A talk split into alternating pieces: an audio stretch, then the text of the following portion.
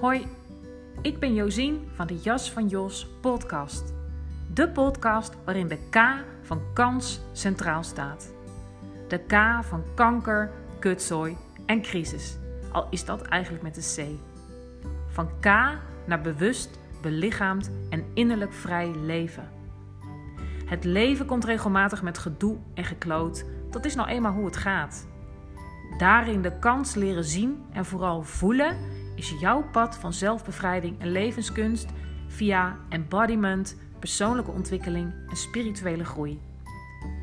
De rode draad in deze podcast is de kans in de K van mijn eigen leven en het leven van de mensen die mijn pad kruisen, zowel professioneel als privé en spiritueel.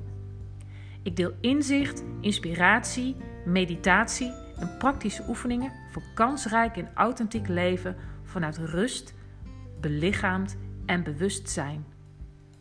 Verlang jij ernaar om je krappe jas uit te doen en jouw kans met beide handen aan te pakken? Luister dan. En dan wens ik je heel veel luisterplezier. Je jas mag uit. Groei naar wie je bent.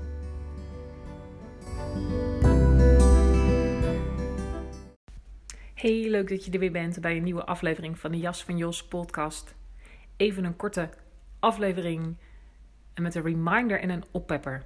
Geïnspireerd door mijn eigen weerstand en een aflevering van de heerlijke en vreselijke Veronique Prins, van wie ik een podcastaflevering luisterde vanmorgen tijdens het opmaken.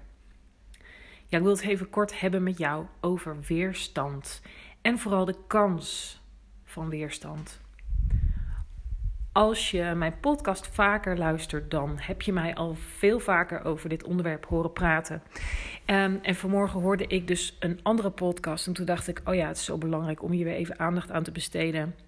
Juist op het moment dat ik zelf ook weerstand ervaar. Aangezien er een uh, to-do-lijst ligt met dingen waar ik gewoonweg echt geen zin in heb. Um, en dan is toch altijd weer de uitnodiging van de weerstand om te kijken: uh, heeft het prioriteit? Of heeft het eigenlijk geen prioriteit Dan kan het van het lijstje af? Of heeft het eigenlijk wel prioriteit, maar heb ik er gewoon weer geen zin in?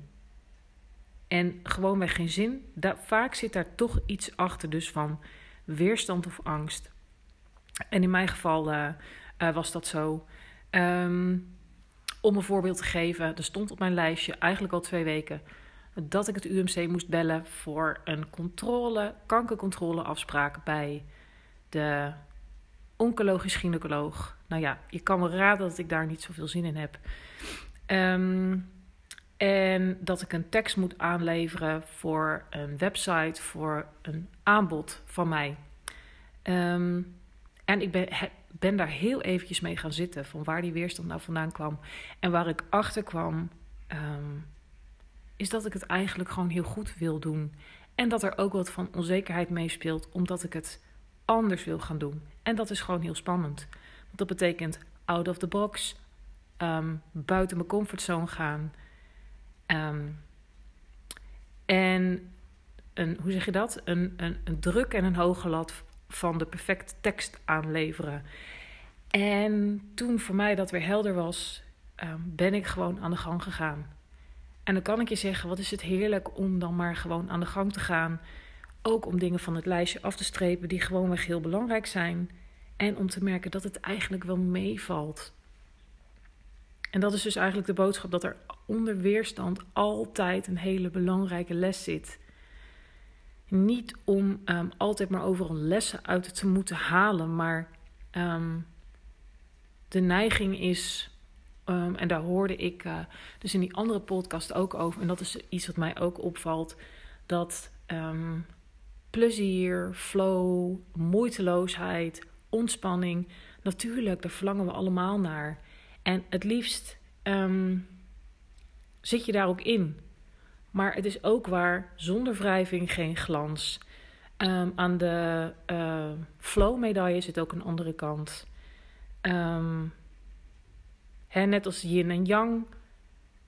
Spanning en ontspanning horen bij elkaar. Net als dat weerstand uh, en moeiteloosheid dan kan, je kan ook uh, nog andere uh, termen zeg maar, aan die andere kant van die weerstandmedaille zetten.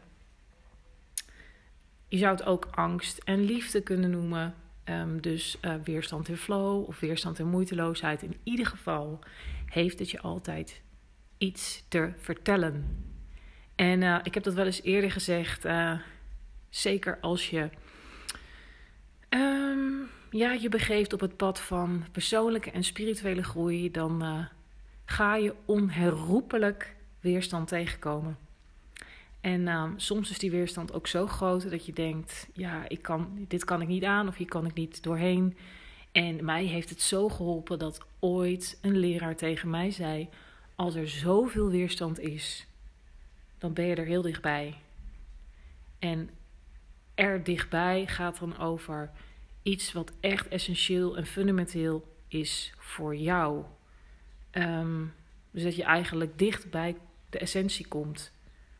Um, bij je eigen essentie, maar vooral datgene waar die weerstand op zit.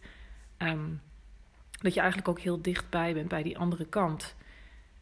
dus het is ook in die zin heel interessant om naar je verlangen te kijken. Want weerstand en verlangen, ja, dat is eigenlijk wat ik wilde zeggen. De andere kant van die weerstand, medaille, heeft dus met verlangen te maken. En dan kan ik weer een mooi bruggetje maken naar podcastaflevering die ik laatst heb opgenomen. Volgens mij zelfs meerdere over verlangen. Dat um, ruimte geven aan verlangen, daarmee werken, dat het je heel erg kan helpen om zeg maar ook met het hele weerstandstuk om te gaan. In ieder geval um, is het natuurlijk een mooi streven om intenties te zetten, om te visualiseren, om um, te verlangen naar flow en moeiteloosheid en al die dingen. Maar als je daarbij de weerstand, de angst en het ongemak probeert te omzeilen, dan zou ik dat toch wel bypassing of spiritual bypassing noemen. En los daarvan mis je dan ook gewoon de hele belangrijke boodschap die weerstand je te vertellen heeft. Um, weerstand kun je aan allerlei dingen herkennen. Eén daarvan is spanning in je lichaam. Um, vaak spanning in de nek, in de rug. Um, een adem die niet vrij stroomt, bijvoorbeeld. Um, weinig grond voelen. overmatig denken. En misschien als jij erop betrapt dat je eigenlijk constant ontwijkend gedrag aan het vertonen bent. Dat je eigenlijk maar weer een was aan het doen bent. om maar iets te noemen. Dan uh, is dat eigenlijk wel een uitnodiging om even stil te staan. Nou, even mee te gaan zitten. Af te stemmen op de weerstand. En als het ware ook, hè, als je dat afgestemd op je lichaam doet, laat je lichaam het verhaal doen. Wees, ja, wees nieuwsgierig en laat je verrassen door wat er opkomt. Soms komt er dan iets wat je eigenlijk helemaal met je hoofd niet had kunnen bedenken. Um, in ieder geval, ja, dat is dus eigenlijk de, het belangrijkste wat ik in deze podcast wilde delen. Weerstand voelen, um, ongemak, angst. Um, dat is niet leuk, maar heeft, dat is, heeft voor een zo groot deel te maken met de ideeën die je daarover hebt. Als je met jezelf afspreekt, oké, wat nou als ik hier eens geen probleem van maak en gewoon met de weerstand ga zijn? Laat je dan verrassen. Wetende dat de andere kant van de weerstandmedaille altijd te maken heeft met verlangen. Um, zowel, zo je wilt, flow en moeiteloosheid, maar vooral het voelen van je verlangen. En dat gaat je echt de goede kant op helpen. Um, en dan is daarbij ook nog gewoon soms het hele simpele feit behulpzaam dat als je gewoonweg een stap zet en um, aan de slag gaat met dat wat er op je bordje ligt, dat je dat letterlijk en figuurlijk ruimte geeft, zoals het bij mij ook zo was. En het helder krijgen over waar de stagnatie en de weerstand zit, helpt je altijd verder. Dus belangrijkste in deze podcast Schrik niet van weerstand. Krijg geen weerstand van de weerstand. En als dat wel zo is, gun het jezelf. Maar weet dat weerstand je altijd iets te vertellen heeft. En dat het er dus is om je te helpen. Ehm, dus af en toe een keertje ontwijken of bypassen, geen probleem. Maar weet dat het een uitnodiging is om, um, om hierbij stil te staan. En wil je verder komen, ja, zul je toch je weerstand ruimte moeten geven. En uiteindelijk blijkt dat eigenlijk altijd minder eng dan je denkt. En daar wil ik ermee afsluiten. En dan spreek ik je bij de volgende.